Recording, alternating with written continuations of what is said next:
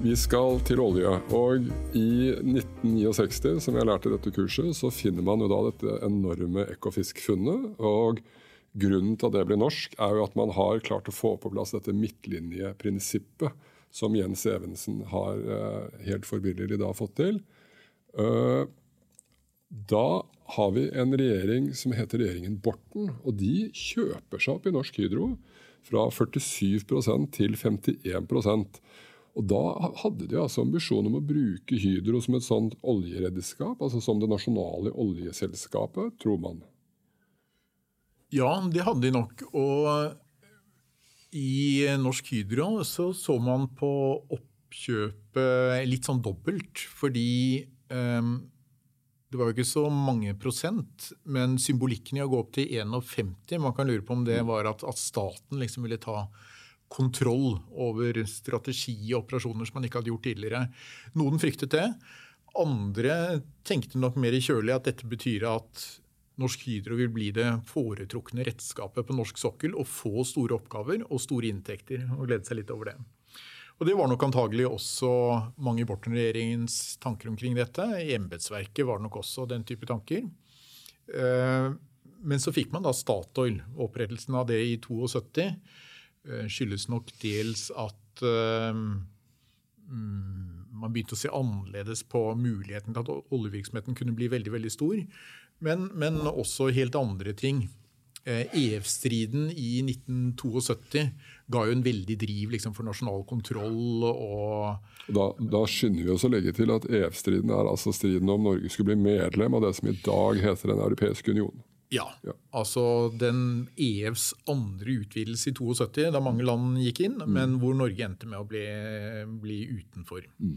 Uh, men, men det, det, ga jo et veldig trykk på um, argumentene mot å bli kontrollert utenfra, enten det nå var Brussel eller internasjonal kapital, mm. og en radikalisering av mange av de statsargumentene som hadde vært der hele tiden. Mm. Hvor man fikk uh, Statoil, som fikk en eh, veldig sentral oppgave på norsk sokkel. De fikk jo minst 50% av alle tildelingene etter etableringen. Mm. Eh, privilegier ved at andre selskaper, de utenlandske, måtte dekke deres utgifter i letefasen. Og de kunne øke eierandelen i eh, produksjonsfasen. Mm. Men også Hydro, og til dels det helt private selskapet Saga, ble, fikk også privilegerte oppgaver på norsk sokkel. Og Hydro etter hvert operatørskap til det som ble Osebergfeltet, som han fikk en tildeling i 1978, og hvor operatørskapet slo inn eh, fra tidlig på 1980-tallet. Ja, da blir Hydro operatør. Men vi skal ta to ord, for Vi snakket jo i stedet om det som et hjemfallsrett. Altså der, og Der lå det på en måte under at det er nasjonen representert ved staten som eier de nasjonale ressursene. Og Det er jo også da gjennomgående for oljen. altså at Det er en klar oppfatning av at det er nasjonen som eier oljen. Nå trodde man i lang tid at dette var spesielt for Norge, men uh, nyere forskning har vel egentlig vist at dette er ganske vanlig internasjonalt. At naturressurser som ligger i bakken, blir oppfattet som nasjonal eiendom, eller hvordan er dette? Ja, det er ganske vanlig, men ikke overalt. Og mange land med store ressurser så er det ikke slik. Hvis vi går til USA f.eks., ja. så er det jo de juridiske eierne av grunnen mm. som eier forekomstene under. Og Det gjør jo også at når man begynner å bore i områder med mange eiendommer, og det vil jo være, feltet er store, mm. så er det juridisk og finansielt utrolig komplekst. Og Dette har vel Equinor fått erfare? Det har Equinor fått erfare, og de brukte lang tid på å skjønne hvor komplekst det var. Men det, det, gir, helt, det gir, en helt annen situasjon. Ja. Uh, og det, det, er klart at det er jo noe av det som gjør at man har, man har sluppet unna mye konflikter i den norske oljehistorien. ved at Det er ikke noe tvil om at det er staten som eier reservene, og som da kan rå over eh, konsesjoner og tildeling og hele politikken og hva man tenker om leverandørindustri og sånn, ut ifra en helt suveren um, posisjon. Og der, Her har dere jo lært studenter om teknologiavtaler osv. Hvis vi skal holde oss litt i Hydro, så skal vi si veldig kort at Eh, en ting var at Statoil fikk veldig gode betingelser på 70-tallet. Men Arbeiderpartiet, som hadde makten stort sett på 70-tallet, de hadde også en del andre liksom, forsøk på statsbedrifter. Vi skal ikke gå inn på det, men, men som ble mye kostbare affærer. Mange industriskandaler osv. Og, og, og Hydro ble etter hvert av mange foretrukket som formen for statlig eierskap. Hvor staten satt som eier. De var passive. Men både så fikk selskapene selvstendighet til å drive selvstendig, men like viktig, det ble respektert at selskapenes fremste formål det var å tjene penger og skape verdier. Og Hydro strevde litt på 70-tallet, særlig med olje, hvor Statoil ble det foretrukne selskapet. Men så kan man jo si Einar, at det er en voldsom revansj når de kommer inn på 80-tallet. Du har vært inne på Oseberg, men det er flere ting egentlig som gjør at ting begynner å tippe litt i Hydros favør. Ja, eh, altså, det var på oljesiden, hvis vi begynner der, så gjorde Altså 80-tallet var liksom Hydros tiår. Det hadde vært eh, utbyggingsprosjekter som hadde vært litt skandalepreget. Enorme overskridelser hadde vært vanlig hele veien. Hydro fullføre Oseberg før tid, mm. under budsjett, eller på budsjett, men litt under, greide de, sånn symbolsk viktig. Samtidig som man laget en del teknologisk nye, veldig innovative løsninger. Mm. En undervannsinstallasjon for injisering av gass som kom fra Trollfeltet f.eks. Som da Shell og Statoil var imot, de trodde ikke noe på det. Mm. Men det kjørte man, og det var vellykket. Den ble satt ned på 80-tallet og står der fortsatt og durer og går. Og på andre områder som horisontalboring, som det heter. Altså at du borer ned eh, vertikalt først, og så borer man i avvik for å komme inn i de oljeførende lagene som ligger horisontalt. Så var også Hydro veldig tidlig ute. Trollfeltet trodde man jo først var et rent gassfelt, men det er blitt et av de aller største oljefeltene nettopp eh, pga. dette. Horisontal boring kan man også da si er vannrett. altså Det betyr at du borer liksom flatt bortover, kan du si. Ja. Mm.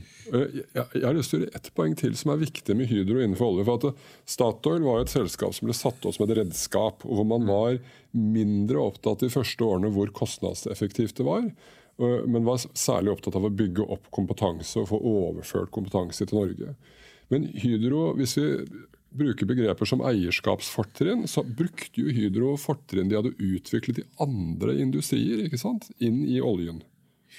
Absolutt. Og det var store forskjeller på Hydro og Statoil på 80- og 90-tallet.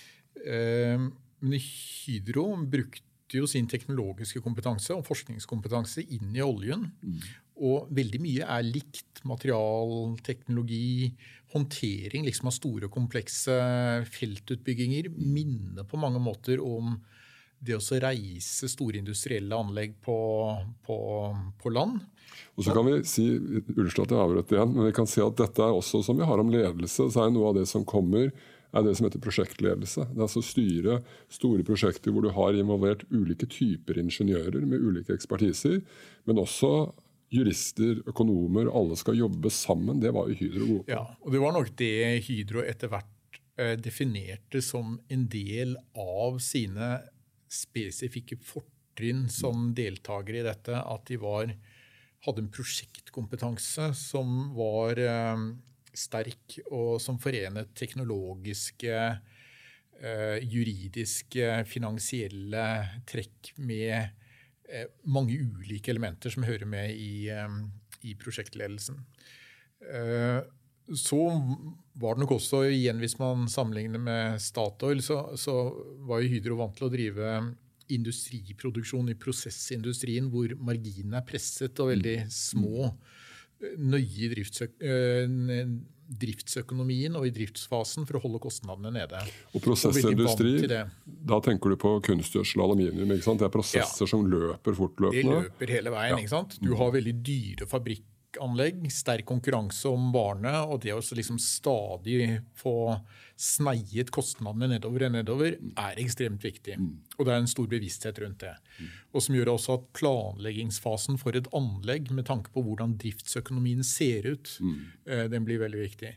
Så på kostnadssiden der har man jo ikke offisiell statistikk, men McKinseys kostnadssammenligninger, som jeg har lest fra arkiver osv., viser at Hydro kommer veldig godt ut på oljesiden. Statoil kom ikke spesielt godt ut.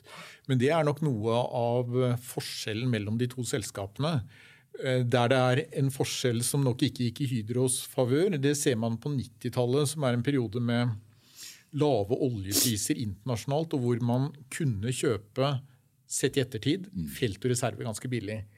Men Hydro brukte da liksom tung og god kompetanse på å regne og beregne og sjekke forskjellige ting. Uh, og ofte var liksom feltene røket før de hadde regnet ferdig. Mm. Mens Statoil var raskere, og der var det liksom noen som mm. altså over telefon kunne sitte og kjøpe og selge ganske dyre ting. Som nok var en fordel akkurat i den fasen. Nettopp. Vi kommer tilbake til det, men det betyr altså at Statoil hadde en litt sånn cowboy-egenskap til å liksom handle fort. Som kan være heldig noen ganger, men som andre ganger kan være litt ja, uheldig. Det tror jeg, og så er det ikke sikkert at det er så Statoil-spesifikt, men oljebransjen ja. er litt cowboy-preget. Mm. Det er liksom satsingen, og det er liksom store bets hele veien. Mm. Mens Hydro virkelig kom fra prosessindustrien, som vi har snakket om. Og der var det jeg brukte mye tid på å snakke med folk i konsernledelsen. og sånn, Veldig skikkelige folk, men man kan ikke se for seg noen av dem som pokerspillere. altså sånn Satsingsvillige folk. Men det tror jeg du vil finne mye i oljeselskapene. altså Det er en helt annen risikovilje.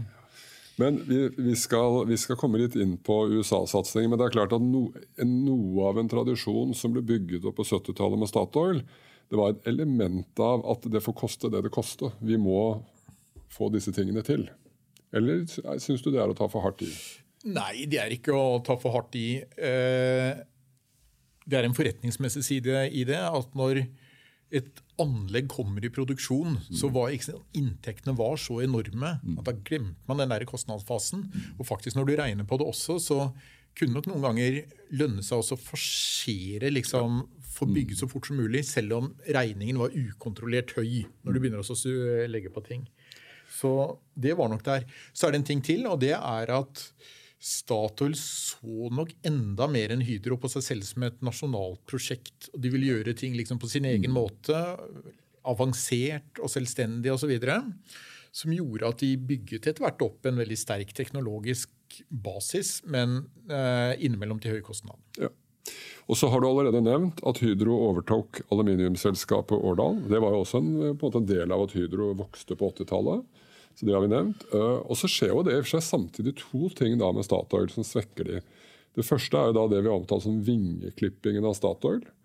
Som, hvor man altså tar flere eierandeler fra Statoil, løfter over i det som da ble hetende SDØE, altså statens direkte økonomiske engasjement. Og De eierandelene ligger i dag i det som heter Petoro, og som er et veldig stort oljeselskap staten eier, men som ikke er operativt. Det betyr altså De produserer ikke olje selv, men de har eierandeler. Og så skjer en annen ting som også svekker Statoil voldsomt. og Det er altså denne store industriskandalen på Mongstad. Uh, hvor de bruker masse penger, koster masse penger, og som fører til at ledelsen i uh, Statoil må gå av. Uh, både denne vingeklippingen av Statoil og denne industriskandalen på Mongstad bidrar til at flere ønsker nå at Statoil skal bli mer av et ordinært selskap, og, og liksom legge fra seg disse trekkene av å være et forvaltningsorgan for staten, om man vil. Vi skal komme tilbake til litt olje litt senere, men det jeg nå vil si noe om, er at Hydro sa vi jo da var et resultat, eller en del av da, etableringen av Hydro av den første globaliseringsbølgen. Men interessante er jo også at Hydro er jo på alle mulige måter også del av den andre globaliseringsbølgen. Altså disse, denne økningen i direkte utenlandsinvesteringer som begynner å ta seg opp fra 1980-tallet særlig. Og Hydro blir en stor investor internasjonalt. Kan du si noe om det? Ja. Altså, eh, elementer hadde man eh, fra tidlig av. Eh, før dette var man jo med å etablere en gjødselfabrikk i Qatar, Kafko som det het. Eh, man solgte internasjonal gjødsel, lite produksjon utenfor Norge. På aluminiumsiden så ble man fort spredt litt ut med små eierandeler i boksittanlegg. Eh, Brasil og andre deler av verden. Boksitt er jo en råvare i aluminiumsproduksjonen, og den finner man i et belte av land rundt ekvator, ikke andre steder. Så der eh, forsøkte man også linke inn oppstrømsvirksomheten for å få andeler også i den virksomheten. Men det er når man kommer inn på 80-tallet at den globaliseringsbølgen virkelig skyter fart. Og som altså, når vi snakker om globalisering, ikke først og fremst er en ekspansjon av handel, men forflytning av kompetanse, kapital særlig, gjennom nye direkteinvesteringer, og til dels arbeidskraft og kompetanse. Um, gjødsel kom i Europa. Det var litt spesielt fordi ekspansjonen kom ikke pga. fjerningen av etableringshindre, men fordi de eksisterte. Eh, sånn at eh, mange land ville ha sin egen og beskytte sin egen eh, gjødselproduksjon. og Dermed så begynte Hydro å kjøpe opp gjødselprodusenter i hele Europa for å ta markedet på den måten. Du greide ikke pga. kartellene jeg nevnte før, å mm. selge direkte inn i markedene. Så det var en måte å komme seg rundt altså handelshindringer? Det var en måte å komme rundt handelshindringer. Og i et marked som var preget av veldig høy lønnsomhet, vesteuropeiske gjødselmarkedet, og hvor Hydro egentlig var eneste selskap som ekspanderte. Eh, de andre produsentene begynte å miste tro på gjødsel fordi at man så at oppslutningen om reguleringssystemet den begynte å erodere. Og da tenkte man med rette ja, hva så med billig gjødsel fra Øst-Europa, fra USA og Storbritannia, som hadde mindre reguleringer. Vi vil kunne greie å opprettholde profittmarginene. Og svaret for de fleste var nei. Men Hydro ekspanderte. For å stoppe deg et sekund der, for når, ja. vi, når, vi, driver med utenlandsinvesteringer i kurs i bedriften, så bruker vi da dette som heter Dunnings paradigme, eller det heter også Oli-paradigme. Mm. Og Da spør vi hva er eierskapsfortrinnet? Altså, hvorfor er det dette selskapet tenker at det kan gå ut? Og det andre vi spør om, er hva er lokaliseringsfortrinnet? Og det, har, altså det, det, vi da skjønner lokaliseringsfortrinnet for Hydro her, er jo markedet. De er interessert i å selge mer gjødsel. Kan du si noe om eierskapsfortrinnet Hydro hadde? Ja, Det er et veldig godt spørsmål. Eh, et internasjonalt gjødseltidsskrift skrev i 384. Eh, eh, overskriftene var What do the blue-eyed Libyans see in fertilizers? Og Hydro var da the blue-eyed Libyans. Mm. Og det skjønte de ikke. Uh, og jeg tror ikke det er noe godt svar på det, dessverre. Fordi altså ut ifra alminnelig teori, dette, de bedriftene som ble kjøpt opp, var til salg, så hvem som helst kunne kjøpt det. Og når man er høy, høyeste budgiver i en sånn åpen prosess, så må man alltid spørre seg mm. hvilke fortrinn har vi mm. som å bringe til dette som gjør at vi kan forsvare den høyeste prisen. Og det hadde ikke noe godt svar. Jeg tror svaret er at Hydro forsto markedene dårligere enn de fleste andre. Og det er ikke noe fortrinn. Men de hadde ett fortrinn, og det var at de hadde mye penger. Det er det viktige fortrinn. Og dette hadde de jo pga. olje. Altså De hadde store oljeinntekter. Ikke egentlig fra Oseberg, for de hadde ikke begynt å tikke inn, men de hadde mye oljeandeler i ulike felt. Så de hadde mye penger, og det var et ønske om å ikke betale disse til eh, utbytte, utbytte til aksjonærene, men å ekspandere industrielt. La oss si veldig kort nå, for nå begynner vi å ha brukt en eh, viss tid her. så la oss si kort, Du snakket om at Hydro hadde problemer med å finansiere opp mange av sine industriprosjekter og eierskap og kapital er viktig, så de gikk på New York-børsen. Det var et eh, ledd i å få bedre finansiering. Og da, da, er vi 86, eller husker jeg feil? Nei, det tror jeg er riktig. Ja.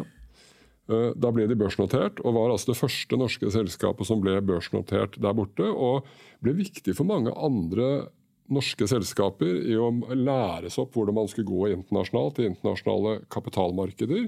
Så det ble en spydspiss der.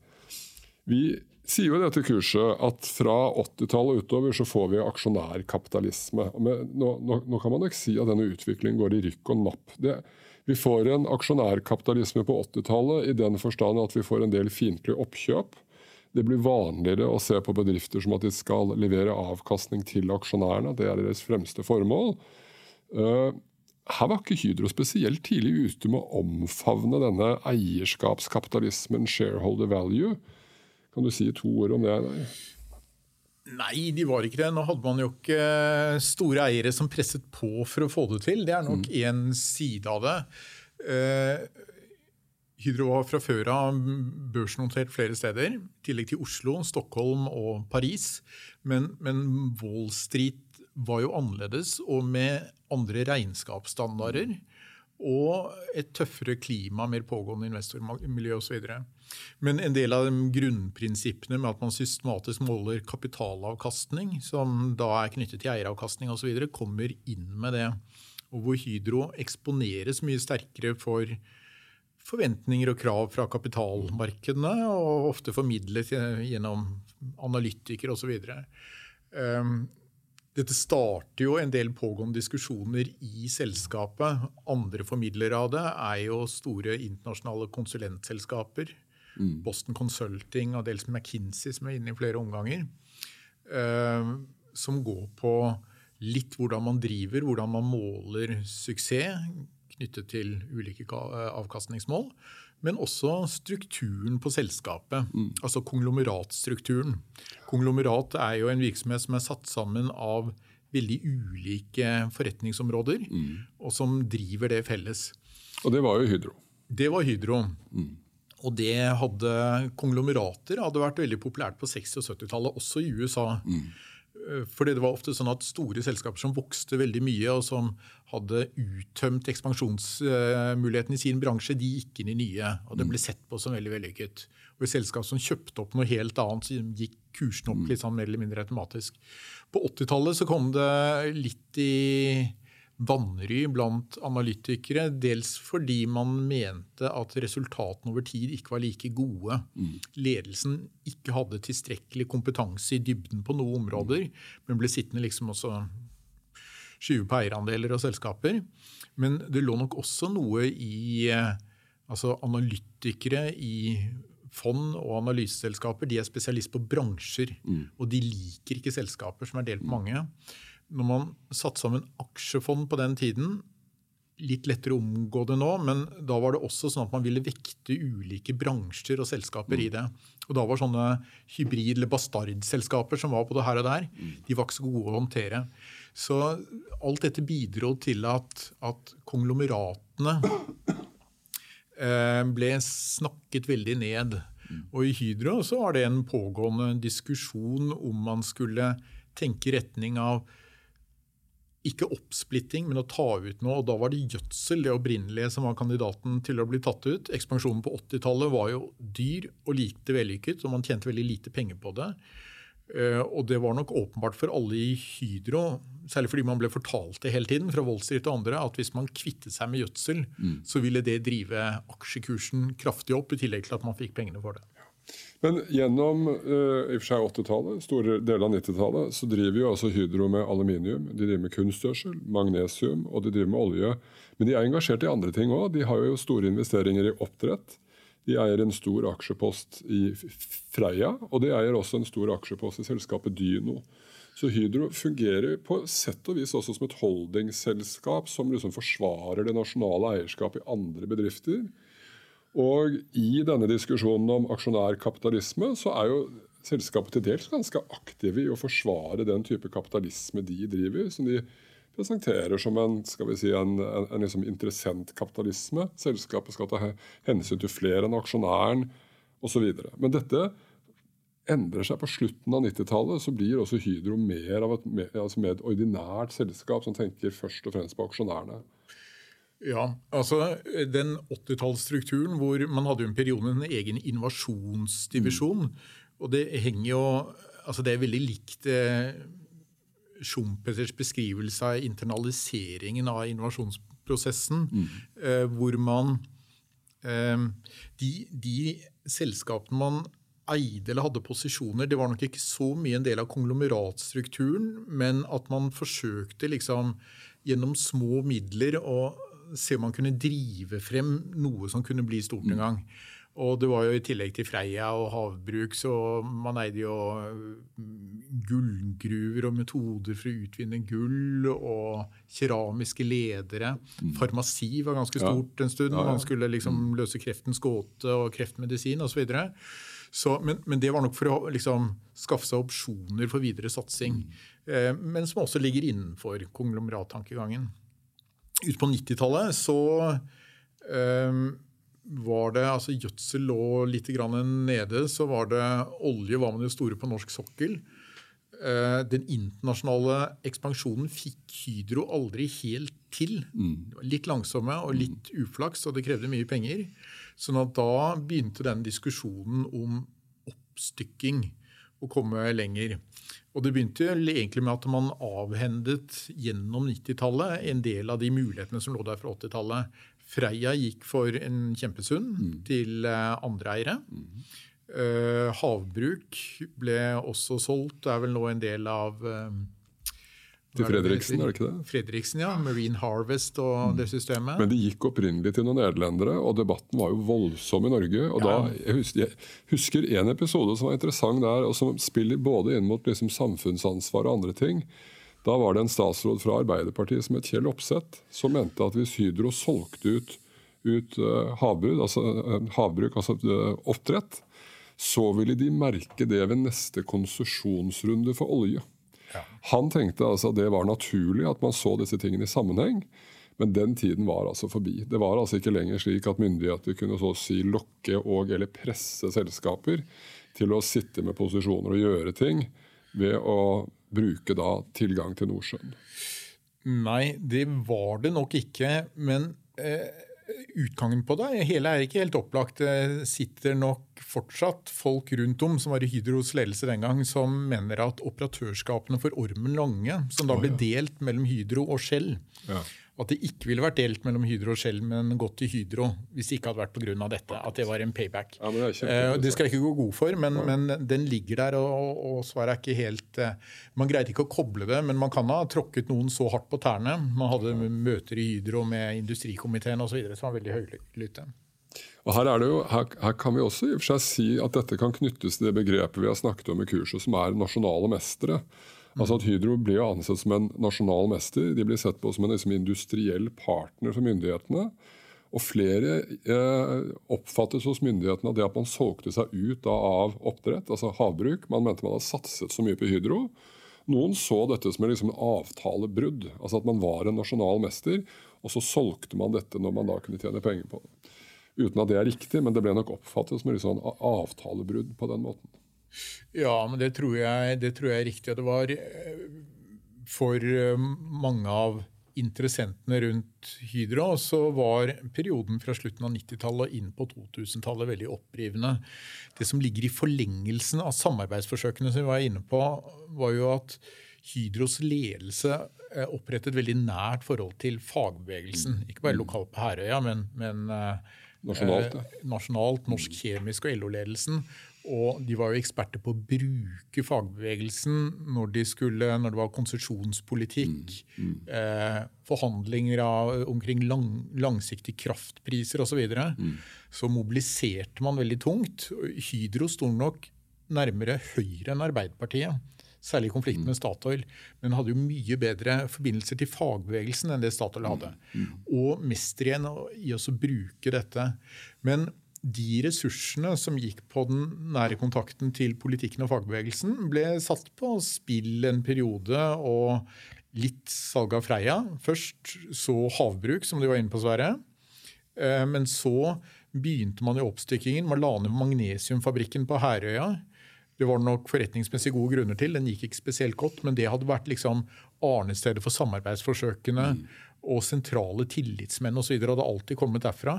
Eh, og ingen tenkte seg at det kunne legges ned, men det gjorde man i Eivind Reitens tid, hvor det var liksom kjøligere, mer forretningsmessige kriterier som helt dominerte, og hvor man nok eh, eh, tapte eh, noe varme i, i, en del av de miljøene. Nå skal vi gå inn for landing. Vi skal inn på det siste punktet. Men det, det, først, altså det som er interessant, altså at Hydro nærmer seg jo da I 2005 så blir de 100 år. Så når de nærmer seg sitt 100-årsjubileum, så får vi altså en oppsplitting av Hydro. Det har altså vært et konglomerat. Og gjennom to operasjoner som ikke vi skal gå veldig tungt inn på, så de, de skiller altså ut det som er gjødselvirksomheten sin, som da i dag er Yara, som er et av de største selskapene på Oslo Børs. Og så skal vi altså da se at i 2006 eller 2007 er det, så selger de sin olje- og gassvirksomhet til Equinor, eller Statoil. da. Men vi må si før dette, så i år 2000 og 2001 er det vel, så er Jens Stoltenberg statsminister i Norge, og to av de tingene han gjør, er at han delprivatiserer både Telenor og Statoil. Og Det er kan man si også i og for seg en sånn shareholder value-tankegang, og i hvert fall en eierskapskapitalisme. Altså at man ønsker at private eiere skal følge med på selskapet. De skal ettergå selskapene, slik at de drives mest mulig effektivt. Statoil blir altså børsnotert i 2001, eller altså i 2001. Prosessen starter litt tidligere. og Så overtar de altså Hydros da olje- og gassvirksomhet. og Det er Einar i 2006? 7? 7. 7 ja. Hvorfor ønsket Hydro å selge seg ut av dette? Det var nok eh, i hovedsak to forhold. Eh, det ene er at den uh, ligger i forlengelsen av det vi var inne på rundt konglomerattanken. Mm. Uh, den var ikke så ønsket, og man visste i Hydro at hvis man splittet opp selskapet, så ville det skape store uh, verdier på aksjonærenes hender vil også skape ganske store verdier for de lederne som satt med gode opsjonsordninger. Men det er noen annen sak. Nei, men La oss ta et sekund på det, for det er viktig. For Noe av det vi lærer om i dette kurset, er det vi kaller prinsipal agent-teorien. Det, det, det, driller vi altså studentene i. Og studenter, det er altså Prinsipalen er jo aksjonæren, og agenten er jo da uh, lederen i selskapet. Og Hensikten her er jo da at uh, man skal gi lederne samme interesser som aksjonæren ved å gi dem aksje, aksjeopsjoner og det hadde man fått i Hydro. Og disse lederne tjente jo masse penger på å selge sin olje- og gassvirksomhet til Equinor. Einar. Ja, og før det på å skille ut gjødselvirksomheten til Yara. Ja. Mm. Nei, siden du inviterer til det, så, så bare for å ta trinnet før, så er det Man hadde visst gjennom hele 90-tallet at det ville skape økte aksjonærverdier stigning i aksjekursen hvis man stykket opp.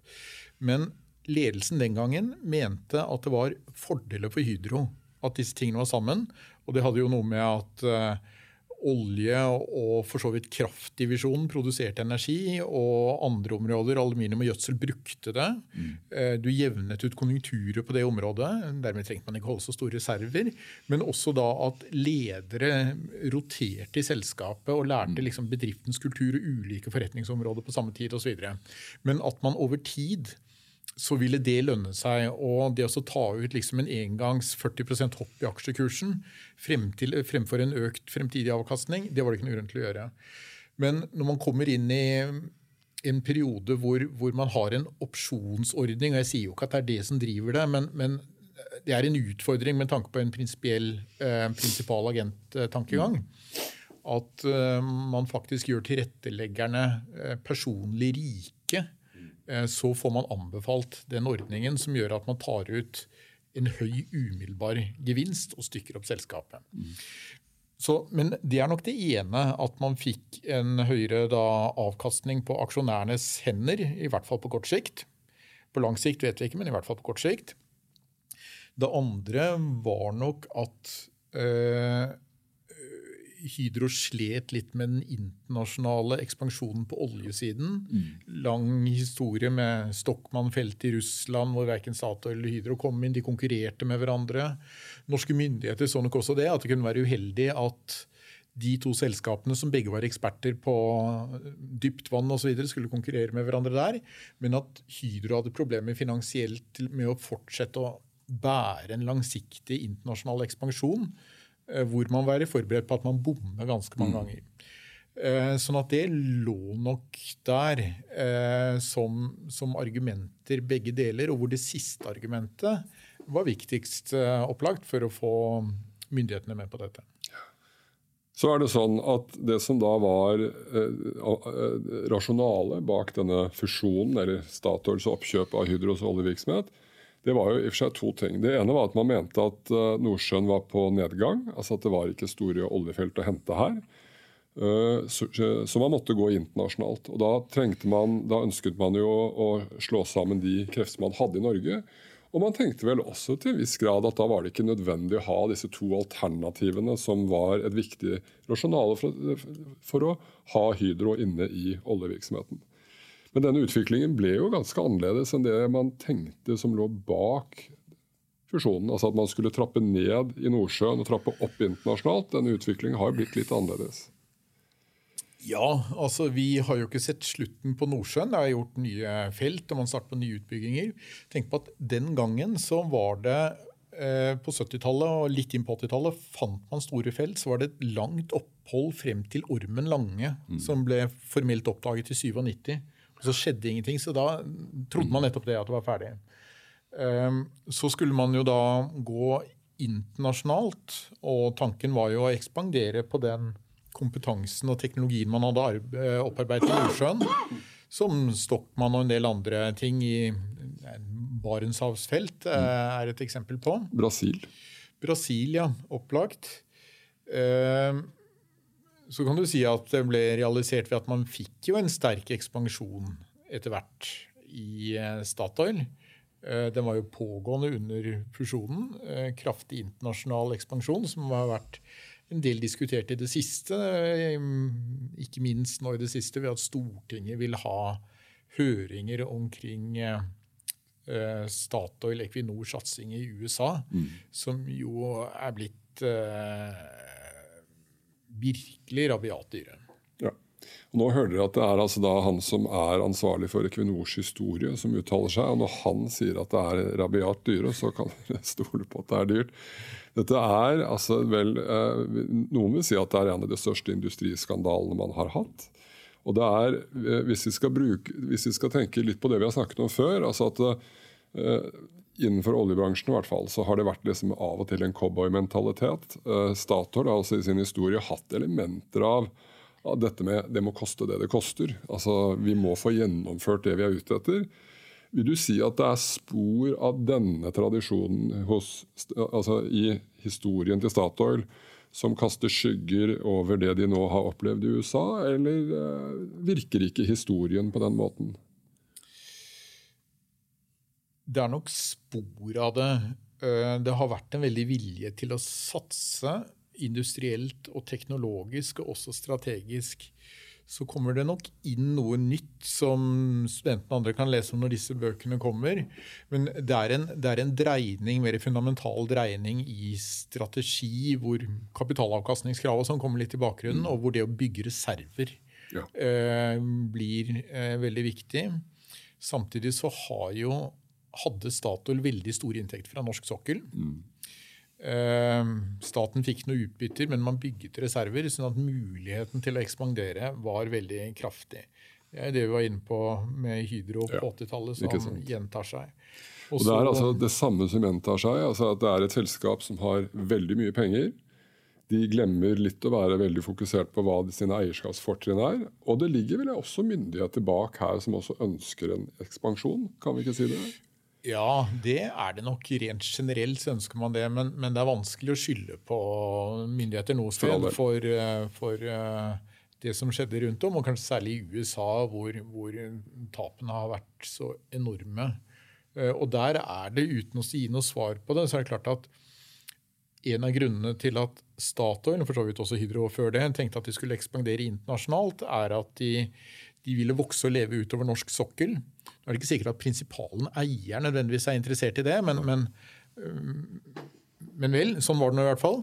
Men at man hadde en kompetanse bygget opp over tid og dyrkjøpt, mm. Eh, særlig offshore, særlig dypt krevende vann osv., som man ville få avkastning på å gå videre. Og da kan man jo selvfølgelig spørre seg når det gjelder, altså, Så ender man i USA med skiferolje, skifergass, helt andre strukturer, helt andre teknologiske og organisatoriske utfordringer. Også, helt andre juridiske forhold. Og så bare for å si til studentene, altså Dette er altså overhodet ikke offshore. Det man kan, dette er landbasert. Og med regler, som du sier, altså helt andre forutsetninger enn det man noen gang har holdt på med. Ja. ja. Og så kan man stille spørsmålet, om man stilte spørsmålet hva hadde vi å bringe til dette egentlig? Hvorfor er vi highest bidder? Ja. Og Dette syns jeg studentene, når dere, bli, når dere, blir eldre og skal kjøpe leiligheter, så må dere alltid stille dere spørsmålet den gangen du kjøper leilighet, så er du den høyeste budgiveren. Du må alltid stille deg spørsmålet hvorfor er det ingen andre som vil by så mye som meg? Det er alltid et fornuftig spørsmål å stille seg før du skal gi det siste budet. Med dette, Einar, nå har vi eh, snakket i lang tid. Vi har holdt på nesten over en time. Vi får se om vi redigerer dette til to podkaster, eller om vi holder det på én. Jeg tror og håper at studentene har lært masse av dette, og vil takke deg hjerteligst for at du blir stille opp på dette. Jo, takk for invitasjonen og takk for samtalen. Og så syns jeg vi skal ønske studentene lykke til med eksamen. Absolutt, det gjør vi. Flott. Ha det godt.